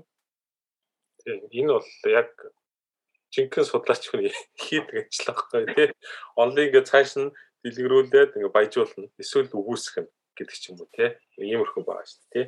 А тэгээд манай цаг бас юу болж байгаа шүү байна. Тэгээд багшаас нэг ийм асуулт байна л да. Энэ жоохон шүүмжт байдалтай нэг асуулт байгаа self citation гэж ярьдаг те өөрийгөө ишлэл авах буюу гэдэг маш олон судалгаа ажиллаа. Тэгээд дараагийн судалгаа ихтэй ерөөсөө өөрийнхөө судалгааг ишлэлээр аваад идэг. Иймэрхүү тохиолдол бол байдаг. Энийг бол их шүүмжилдэг. Та энийг юу гэж хардаг вэ?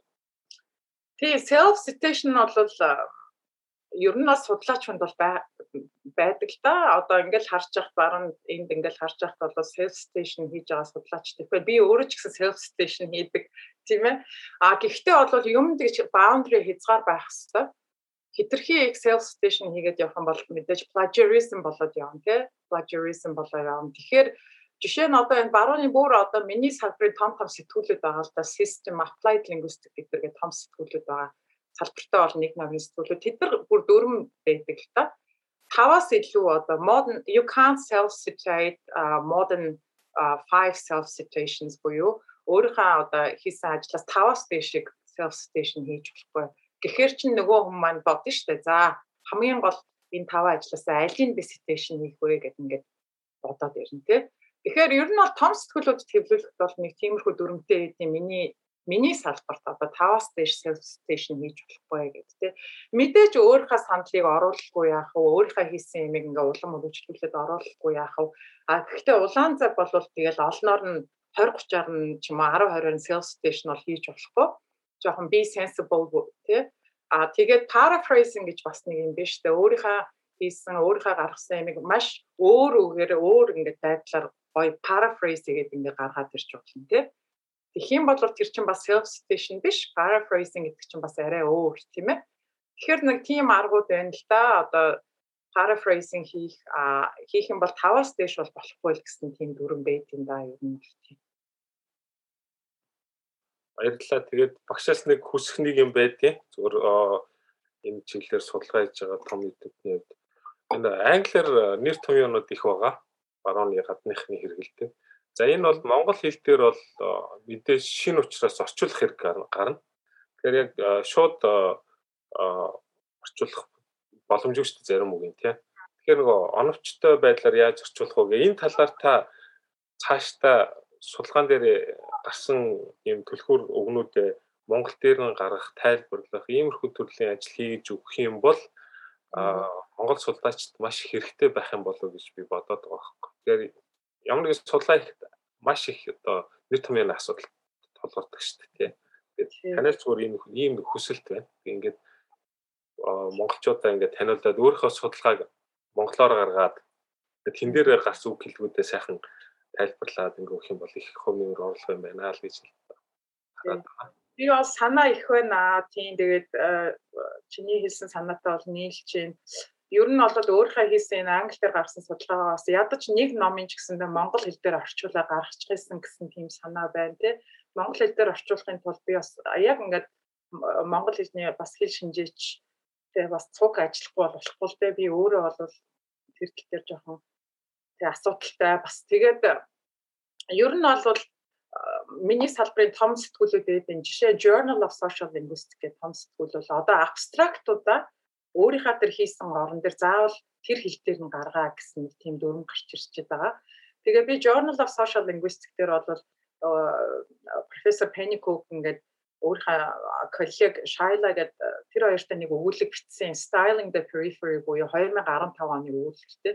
Тэрэн дээр ингээд гарахад бол яг надаас тэгжсэн байхгүй юу яа абстракта монгол хэл дээр өгөө яад бол эн чинь монгол дата байна гэж тэ. А тэгээ дараа нь дахиад 2000 хэд он бэлээ 19 он дахиад яхад бас л монгол хэл дээр абстракт өгөөгээд тэгээд тэр жижигхэн 300 өгтэй абстрактыг ингээ монгол хэл рүү орчуулахад надаа айгүй их цаг орж байгаа байхгүй тий. За энийг одоо яг юу гэж орчуулвал зүгээр вэ гэдэг. Тэгээд өөрөө нэг юм орчуулж байгаа юм. Тэгээд тэрийг орчуулж дараа нь ингээд Монголд байгаа одоо Монгол судлаач тамтай профессорудаас асуухаар тэд нар чи улам гоё ингээд refine хийгээд өгөн тий. Тэгэхээр бол тэр тал дээр бодсон бодлоод их байгаа. Тэр жижигхэн 250 үгтэй абстрактыг монгол хэл рүү орчуулахад бол маш олон санаанууд гарч ирж байгаа да. Жишээ нь translanguaging гэдэг нь монгол хэл рүү яаж орчуулах вэ гэх тээ. Гэх мэтчээ тэр чинь одоо холимог хэл гээл би орчуулсан байгаа л да тий. За тэгэл relocalization гэдэг онл байгаа юм. Тэрийг яаж орчуулах вэ? Relocalization гэдэг маань юу гэсэн үг вэ гэхээр зэрэг тухайн хэлэнд одоо шинэ гаднаас янз бүрийн шинэ үг гэлэг ингээ глобалчлаас болоод ороод ирэхээр тэрийг яаж өөрөө нутагшуулаад яаж өөрийн хэл болгоод цааш нь өргөжлүүлэх гэсэн санаа авахгүй тий. Тэрийг бодож байгаад одоо хэлийг дахин нутагшуулах гээл ингээ монголоор орчуулчихад байгаа жишээ тий. Гэх мэтлэг ингээл орчуулад одоо жижиг абстрактнаас ихсэн байгаа. Энийгээ цааш нь одоо ном болгоё гэж бодож байгаа. Ер нь бол тийм ер нь тэр дээр ер нь бодсон бодол их байна. За тэгээд бүр тэгээд цаашлах юм бол одоо монгол эрдэмтэд Монголын тухай судалгаа хийж байгаа эрдэмтэйгээ ч гэсэндээ монгол хэл дээрээ сайн keywords-а сайн орчуулад абстрактаа сайн орчуулад ингээд дэлхийн энэ ресурсууд руу оруулах их сайн байна тий Монгол хэл рүү оруулах их сайн байна гэж бодож байна. Тэгээд дээрэс нь бас нэг юм хэлэхэд бол манай монгол хэл бол маш олон мянган жилийн түүхтэй маш олон бэрхшээлийг туулсан даваад гарсан тийм хэл шүү дээ манай монгол хэл аль Чингис хааны үеэс бүр Чингис хаанаас өмнө эхэлсэн тийм ээ. Тэгээд Монгол хэл маань тэгэл тухайн яг түүхэн үеэс шалтгаалаад нэлээх өөрчлөгдсөн, хувьсан, шинжлэгдсэн тийм хэл шүү дээ. Одоо англи хэлийг ярихад бол Шекспирийн үед англи хэл нэг өөр байсан байхгүй. Шекспирийн англи хэлээр ярьдаг шүү дээ бид нар. Тухайн үед бол шал өөр зарим хэлийг бол бид нар бүр ойлгохгүй. А гэтэл ингээл Шекспирийн хэл өөрчлөгдөл одоо ингээл дэлхийн глобалч болол Америк гэдэг орон гарч ирээл одоо Австрал гэж орон гараад ирсэн чи American English, Australian English гэл ингээл гарч ирээл хэл ингээл өөрчлөгдөлөө шүү дээ тий. Тэгэхээр зэрэг бол манай монгол хэл бол маш олон зуун олон зуун одоо thousand маш олон мянган жилийн түүхийг даваад гарсан. Одоогоороо ингээд хадагдчихж байгаа тийм дэлхийн цөөхөн хэл хэлнүүдийн нэг байгаа. А тэгээд социализмын үеийн монгол хэл нэг өөр байгаас. Манай эмээ өвөө яаж монгол хэлээр ярьдаг байсан. За бүрдээ 20-од он 40-од оны үед монголчууд маань хоорондоо ярьдаг байсан. 80-од оны үед яаж ярьдаг байсан. Орос хэлний бол өөр нөлөө монгол хэл маш их орж ирээд бид нар орос хэлийг маш их юу яадаг болсон шүү дээ. Нутгшуулаад ингээд ярьдаг болсон. Одоо марочи эдний порчгоны юу гэх юм те одоо хаасаа аав юм аавч гэдэг юм уу зарим нь бол бүр орс хэл гэдгийг монголчууд мэдэхгүй шүү дээ монгол хэл гэж бодоод явж байгаа те яг тэрмүү шиг бол миний судалгааны гол үр дагавар юу гэж гарч ирсэн бэ гэхээр ингээ 90 оноос хойш англи хэл ингээ ороод ирсэн чи relocalization буюу хэлийг дахин нутгшуулах гэдэг тэр онол дахиад ороод ирсэн байгаа Монгол. За тэгээ ялангуяа энэ Facebook, social media гараад ирсэн чи орчуулах үг олдохгүй тий. За ингээ фэйсбүүкээр зураг шеэрлээ гэх. Тэгээ шеэрлээ гэдэг үгийг үгийг одоо жишээ нь монгол руу яаж орчуулах? Зураг таглие гэхэр чи одоо яах вэ?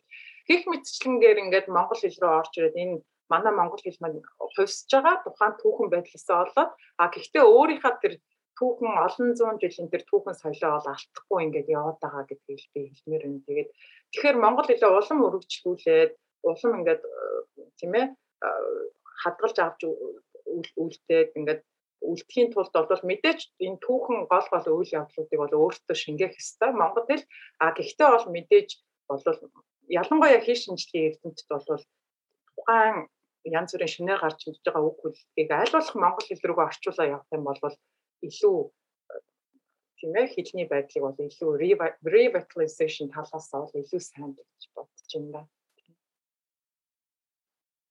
Баярлалаа. Хин Лука асуух асуулт байгаа юу? Би ерөнхийдөө хугацааг нэлээд уртсангаа. Ах юм асуугаад. Гой дэлгэрэнгүй ярил илүү гой сонирхолтой юм чаа. Надад сая би таны яриг сонсож байгаа тех 2 3 зүйл асууя гэж бодлоо. Тэгээ эхнийх нь болохоор та сая хэлсэн weak localization гэдгсэн шүү дээ. Тэрэн дээр айгүй их тийм юу гэх юм. Настай хүмүүс ялангуяа ингээд гадны үг хэллийг шууд оруулж ирээр ашиглангууд наа чинь айгүй буруу монгол хэлээ яахгүй наахгүй нэг. Тэгвэл яг ясгэн дээр жишээ бид одоо машин гэдэг аль хэдийн орж ирэл тэгэл машинаар л явж байгаа шүү дээ.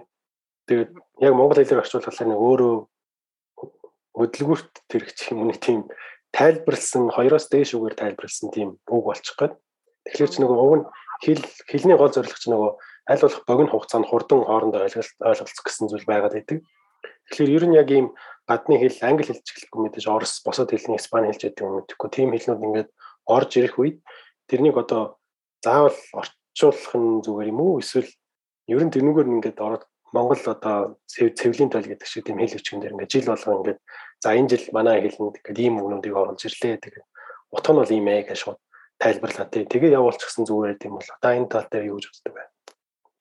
Тийм тэгээд би түрүүн хэлсэн шүү дээ тий нөгөө ингээ анх би судалгаа Монгол төр Монгол одоо Монгол арчсан орн болоод хэлэн Монгол хэл дэх одоо олон хэлний байдал яаж өөрчлөгдсөн бэ гэдэг ингээд судалгаа хийгээ явж явах болвол тийм. Тэр чинь бол бид нар бол хэлний ideology гэж ярьдаг байхгүй юу те linguistic ideology буюу. Тэр бол зүгээр тухайн хүний гарч байгаа санаа л гэсэн үг шүү дээ. Ideology гэдэг чинь бол үзэл суртал үзэл санаа те тухайн хүнээс гарч байгаа санаа гэсэн үг. Яг батлагдсан бол тийм онол бол биш шүү дээ те тэгэхээр бол мэдээж бол манай одоо юу гэдэг жоохон older generation буюу одоо ахмад насны хүмүүс а эсвэл англиар ярихад бол одоо purists буюу traditionalists гэж ярьдаг л та тий одоо хэлийг цэвэр ойлгох а хэлийг одоо тийм уламжлалт байдлаас нь хадгалах гэл мэдээч бол санаа нь бол мэдээч зөв шүү дээ тий тухайн хэллийгээ хүн тухайн хэллийгээ бид нэр олон жилээр нь уламжлалт уламжлагдаж хадгалахын тулд бол аль болох тухайн хэлээрээ л ингээд яриад явах ёстой тий. А гэхдээ бол миний хэлж байгаа гол санаа юу гэхээр зэрэг бол манай монгол хэл бол олон мянган жилийн уламжлалтай. За бүр яагаад ингээ олон мянган жилийн уламжлалтай гэж би боддог гэхээр яагаад бол бичгийн хэллээрээ хамгийн гол нь уламжлалтай ирсэн хэл байхгүй монгол хэл чинь Чингис Чингис хааны үед бол монгол хэл чинь зөвхөн аман одоо ингээд Австралийн Aboriginal буюу нутгийн одоо хүмүүс гэж ярьж байгаа шүү дээ тий. Тэр хүмүүс бол ингээд тухайн үедээ хоорондоо ингээд амаараа яриад тийм бичгийн хэл байхгүй байсан учраас хэл нь одоо ингээд бүр сүрэх сүнэх ингээд тал руугаа ороод маш их том проблем болоо явж байна. А манай монгол хэл бол Чингис хаан бол айгүй тийм мундаг тийм стратегч хүн байсан шүү дээ. Ер нь бол тий татаа тунгааг дуудаад тэгж хэлсэн дээ. Монгол энэ амын хэлийг одоо бичгийн хэл болгоё гэж аах Чингис хаан хэлсэн баггүй юу. Тэгээд Чингис хаан тийм зарлиг гараад манай тэр татаа тунгагийн эрдэмтэн чинь манай энэ бидний хоорондоо энэ амаараа ярьж байгаа хэлийг уугур бичиг болгоод монгол бичиг болдоо. Тэгээ одоо чи ингээд тэр чинь ингээд бичгийн хэлээр ингээд уламжлалтаа одоогоор ингээд явж байгаа. Тэ тэгэхээр бид нар айгүй аацтай. Тийм Чингис хаанд бол баярлах хэрэгтэй. Аа гэхдээ бол бид нар жоохон тийм innovative сэтгэх хэрэгтэй гэж бодож байгаа. Яагаад гэвэл тухайн үеийн Чингис хааны 13 дугаар зууны үеийн монгол хэл бол мэдээж одоо ингээд ерөнхийдөө бүтцэн бол ингээ байгаа бид нар тэргээрээ яриад явж байгаа. Гэхдээ тухайн үед ч юм уу шал өөр исэн. Яагаад өөр исэн бэ гэвэл тухайн үеийнхаа тэр түүхэн байдал, тухайн үеийн тэр нийгмийн байдал, улс төрийн байдал одоо тийм ээ эдийн засгийн байдлаас болоод хилчин хөгждөг байхгүй тий. Аа за тэгээд тэгж явж байгаад ингээ манжийн дарангуульд Монгол маань ороод манжийн дарлаасаа гараад ингээд Оросууд тийм ээ орж ирээд манай Монгол бичгийн 1940 оны үед Оросын э, одоо тий Кирилл хэсгээр солилцсон шүү дээ тий. А тэгээ Кирилл хэсгээр ингээд солиход тухайн үед бол манай монголчууд юу ч хийж чадаагүй вэ? Ягаад гэвэл одоо одоо Оросын дарамтнд байсан учраас тий. А гэтэл одоо ингээд 90-ад оноос хойш ингээд гараад ирж англи хэл гэдэг нэг хэл гараад ирсэн чинь өө бид нар кирилл монгол хэлээр аварч үлдэх хэвээр одоо энэ монгол хэл маань ингээд бүр латин болоод ингээд дуслаа ингээд манай залуучууд одоо ингээд хоорондоо латинаар монгол хэлээр яриад байна. Одоо монгол хэлээ аврыг гэсэн чинь нөгөөх нь одоо кирилл монгол хэл болчиход яриад шүү дээ. Тэгэхээр ингээ яг ингээд судлаач хүний байлаас харахад бол яг монгол хэл маань тухайн үеийнхаа түүхэн байлаас болоод ингээд жоохон өөрчлөгдөд байгаа байхгүй тий. А гэхдээ монгол хэл маань бол одоогоороо ингээд одоо эндхийн Австралийн аборигенал хүмүүсийн хэлийг бодоход ингээ аюугай хадгалагдаад үлдсэн. Яагаад вэ гэвэл бичгийнхаа бичгийн хэл нь маш том учраас тэргээрээ хадгалагдчих үлдсэн байгаа. А тэгэхээр зэрэг миний хэлж байгаа бол юм бол а 90-ад оноос хойш бол монгол хэл өөрчлөгдсөн үү өөрчлөгдсөн яаж өөрчлөгдсөн бэ гэвэл зөндөө олон одоо англи үг хэлгүүд ялангуяа технологи интернетээс болоод ороод ирсэн сошиал медиагаас болоод ороод ирсэн компьютер гэл үг үйж байна интернет гэл ингээл Тэгээ энэ олон үгнүүд байж байна. Одоо сошиал медиагийн маш олон үгнүүд байна шүү дээ. Twitter, Instagram, одоо Tagli, юу юу гэл. Энэ олон үгнүүдийг бол хүн болгоо орчуулад яваад байж чадахгүй шүү дээ, тий. Тэгээд залуучуудаа хоорондоо ингээд яскас тэрийг амаараа харилцаад явж байгаа.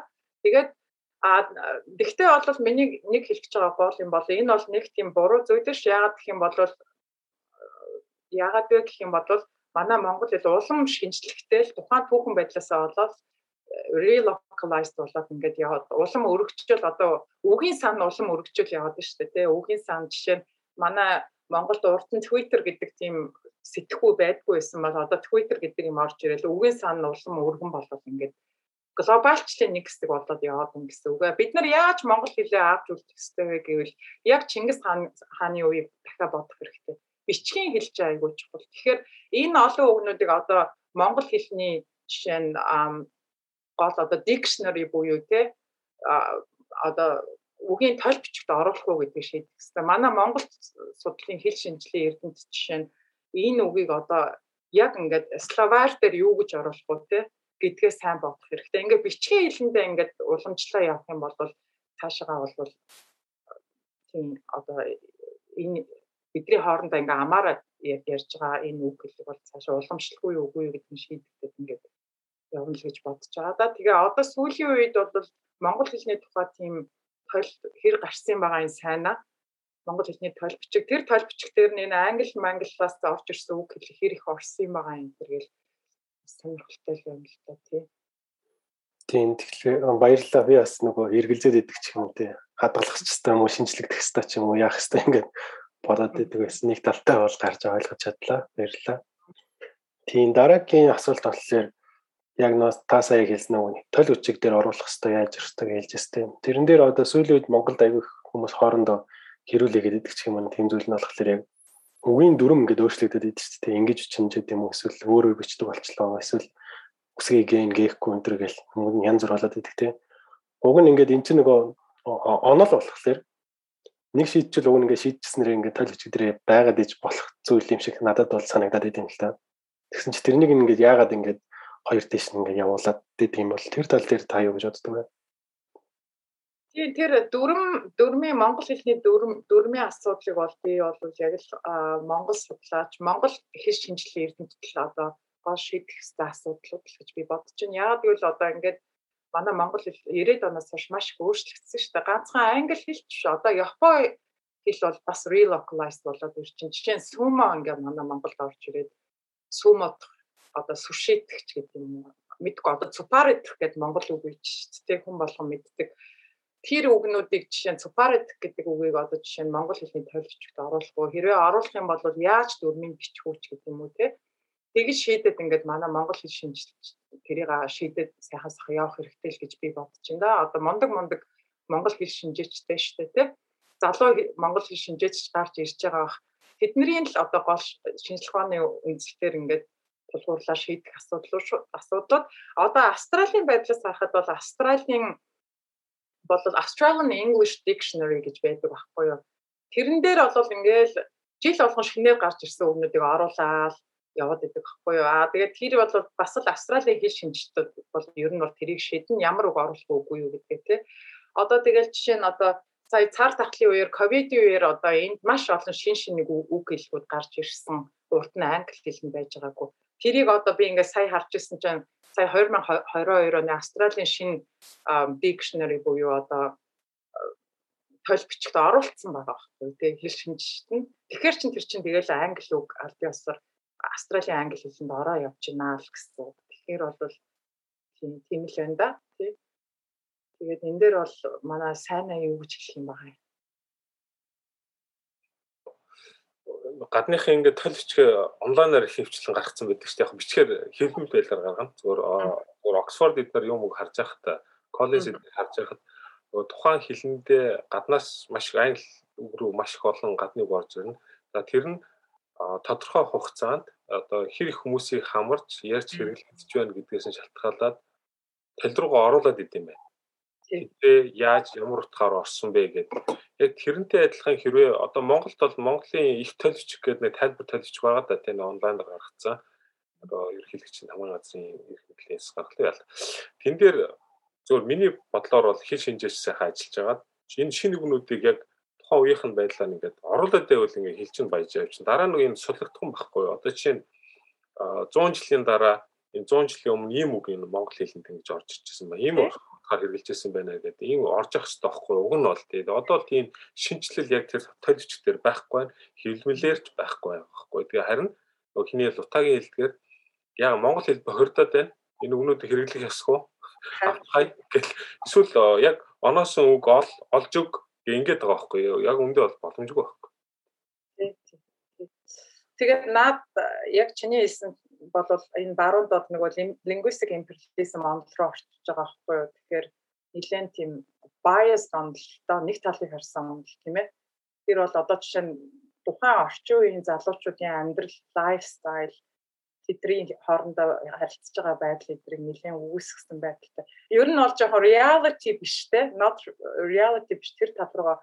Тэгээд наад онлын чинь бол бас нэлээд шүүмжил бичдэг энэ миний салбарт тийм яагаад гэсэн ингээд Чингис хааны үед ч гэсэндээ 13 дугаар зууны үед Монгол ингээд empire айгүй олон орн ингээд Монголын нэг хэсэг болж исэн шүү дээ тий одоо ингээд Тэгэхэд чи манай Чингис хаан бол айгүй open minded хүн байсан байгаа хгүй би ингээл уншиж явах тэр талаар би уншдаг тий. Тэгэл уншиж явахт чи ингээл одоо айгүй олон religion Muslim Christianity эдрийг ингээ хүлээн зөвшөөрөөд оруулсан тий.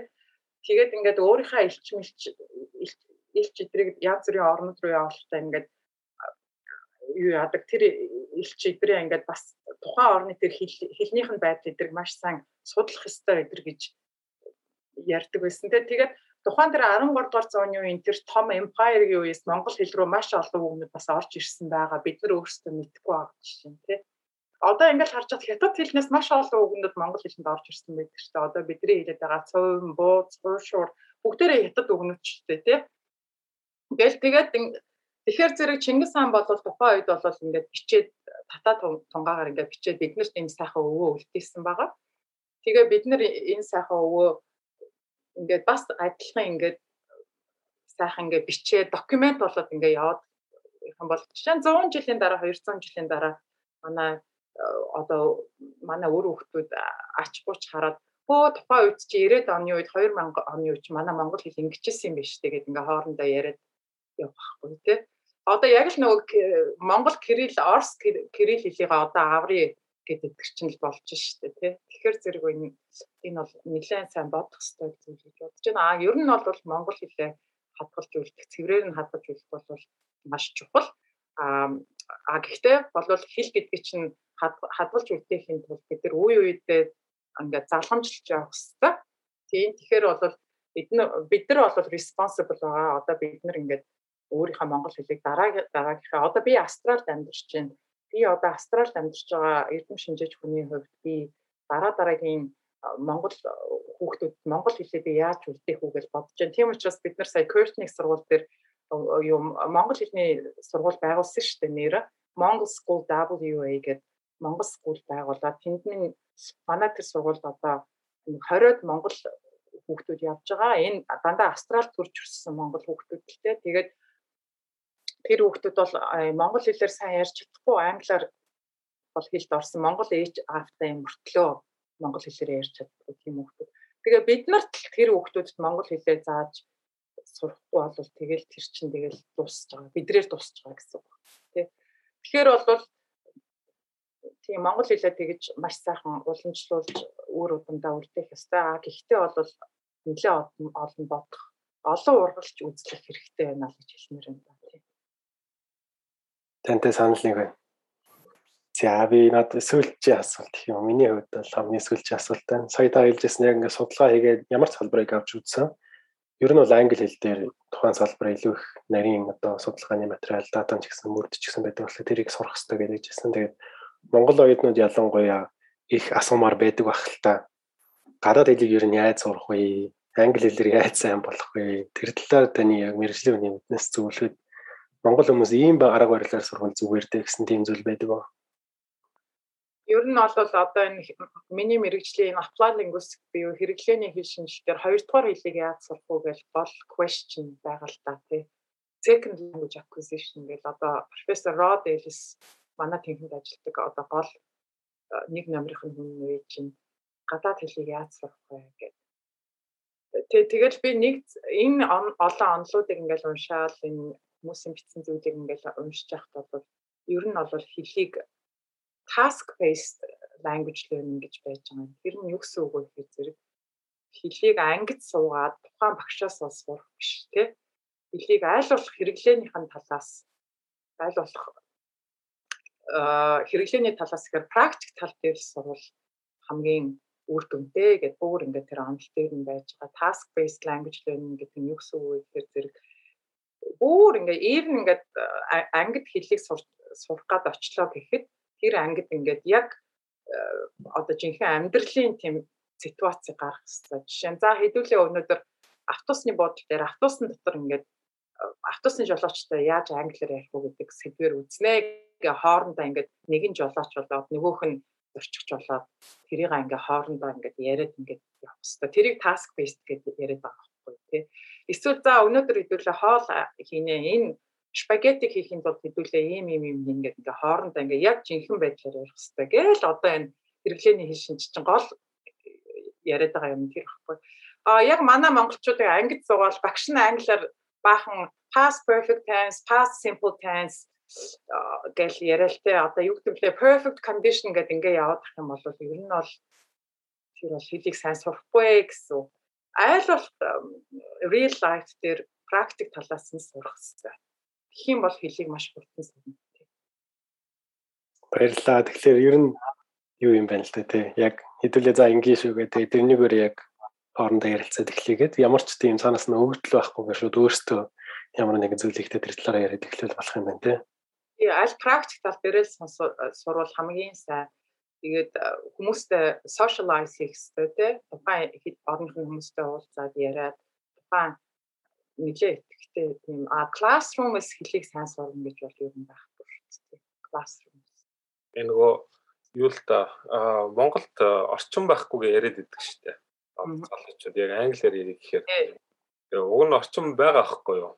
Бүрдүүл боломжтой. Маш их зөвхөн миний хэлэх байгаа юм зүгээр task based language learning гэдгээс дээр нэмээд нэг харилцааны хэл байгаа шүү дээ communication гэдэг тий real communication буюу одоо бодит байдал дээр яаж харилцаа ярилцах вэ гэдэг маш их дадлах хийх хэрэгтэй. Тэгээ энийг яг ингээ хослуулах юм бол яг одоо л яг юу гэж яриад байгаа гэхээр student centered learning гэдэг яриад байгаа. Яг ерөнхийдөө аль дээр л гарсан л онол шүү дээ ер нь бол тий Тэгээ багш бол зүгээр facilitator гэж яриа л байдаг. Яг өндөө бол багш л туслахгүй бол тэр анги дотор 30 өгч ярьдаггүй байхгүй. Тэгэхээр яаж тэр хүмүүсийг яриулах вэ гэдэг. Ерөнхийдөө бол ярианы хэл бол маш чухал болсон байгаа шүү дээ. Яг бичгийн хэлээс гадна. Тэгэхээр Монгол залуучууд ярианы хэл хэрэгтэй. А бичгийн хэл хоцрогдсон нөгөө яг бодит байдалтай сэндэр багш маш хоцрогдсон. Багш нар нь хоцрогдсон. За яг үнэ хэлэхэд англи хэлний багш нар нь бичгийн хэл мэддэг ярианы хэл маш дутмаг байгаа тий. Тэгэхээр энэ тал хоёулын хослуулал явах хэрэгтэй. Аа. Тийм. Task based language teaching learning гэдэг чинь ер нь бол яг сая сайнагийн хэлсэн зүйлүүдийг бүгдийг базаап хэлж байгаа гэсэн үг л дээ тий. Teacher бол англи хэлний багш classroom дээр бол англи хэл заахтаа тэр сайхан орчныг бүрдүүлчих хэвээр оюутнуудаа хооронд нь хуваагаад групп группээр нь хуваагаад за танаа групп одоо өнөөдөр public transport-д англи хэлээр явал яана гэд ингээ ярина гэдэг өгөгдөл өгөөд тий гэх мэтчлэнгээр ингээд яа. Гэхдээ би бас ойлгож байна л да нэг ангида айгүй олон хүүхдтэй ганцхан багштай гэл ингээд яг Монголын байдлыг бас ойлгож байна л да сайн хэлснээр яг энэ Австралийн байдал дээр бол нэг оюутнуудын тоон цөөхөн гэдэг тий классрумд нь багш нарын тоон их байдаг гэхээр арай өөр болол явчихж байгаа юм да тий. Тэгээ бичгийн хэл гэх юм бол мэдээж за яг хөө тэгээд дөрөн мөрмөөс сурна. А бичгийн хэлэнд хүн яаж сайжирдгөө гэхээр ерөөсөө л юу энэ өгүүлбүүд шинжлэх ухааны өгүүлэг ном сайн унших Тэгээд тэрийг уншсан зүйлээ сайн базаж бичлэх бичлээ байгаа шүү дээ. Би бол тэгж л Би бол анх ингээл эрэхтэй миний бичгийн хэл тийм сайн байгаагүй. Ирээл багштайгаа олуулчлээсэн тийм чинь хэлэхгүй айгу муу битсэн байна ингээл олуулаад уйлчлээсэн. Тэгэл нэг хэдэн өгүүлэг уншаал өөрөө самар хийгээл яхаар яг аяндаа ингээд өөрөө сайжраа сайжраад яваад яваад байгаагаа мэдээд байгаа. Тэгэл бицээр бицээр хийж байгаа сүултээ гайг болчтой юм билээ. Бүр сурчт юм билээ. Тийм. За мэдээж юу ярианы хэлийг бол мэдээж real life яг environment-ээр гагаад манай Монгол оюутнууд яг тэр task based language teaching learning гэдгийг тулгуурлаад орчин гаргаад ингээд хоорондоо харьцаад яриул их сайн байна. Тийм за бичгийн хэлээ сайжруулах гэвэл нэлээд сууж уншиж бичгэл гадна. За зөв баярлалаа. Докторант подкастын энэ жилийн 2 дугаар дугаарт Австралийн Кертон их сургуулийн дэд профессор доктор Синдрэ маань оролцлоо. Манай зочин хөтлөгчөр муу ядал боловсрол судлалын доктор Сайн Баяр оролцлоо. Дараагийн дугаар дээр Сайн Баяр доктортойгоо ярилцсан гэж найдаж байна. Өнөөдөр та бидний урилгыг хүлээн авч оролцсонд баярлалаа. Ирээдүйдээ хийхээр төлөвлөж байгаа ажил маш их байгаа юм байна. Таны судалгааны ажил, мөн менежмент, зохион байгуулалтын ажилд өндрөөс өндөр амжилт хүсье. Баярлалаа. Баярлалаа. Баяртай. Амжилт хүсье. Баярлалаа. Энд рүү баярлалаа. Баярлалаа. Баяртай.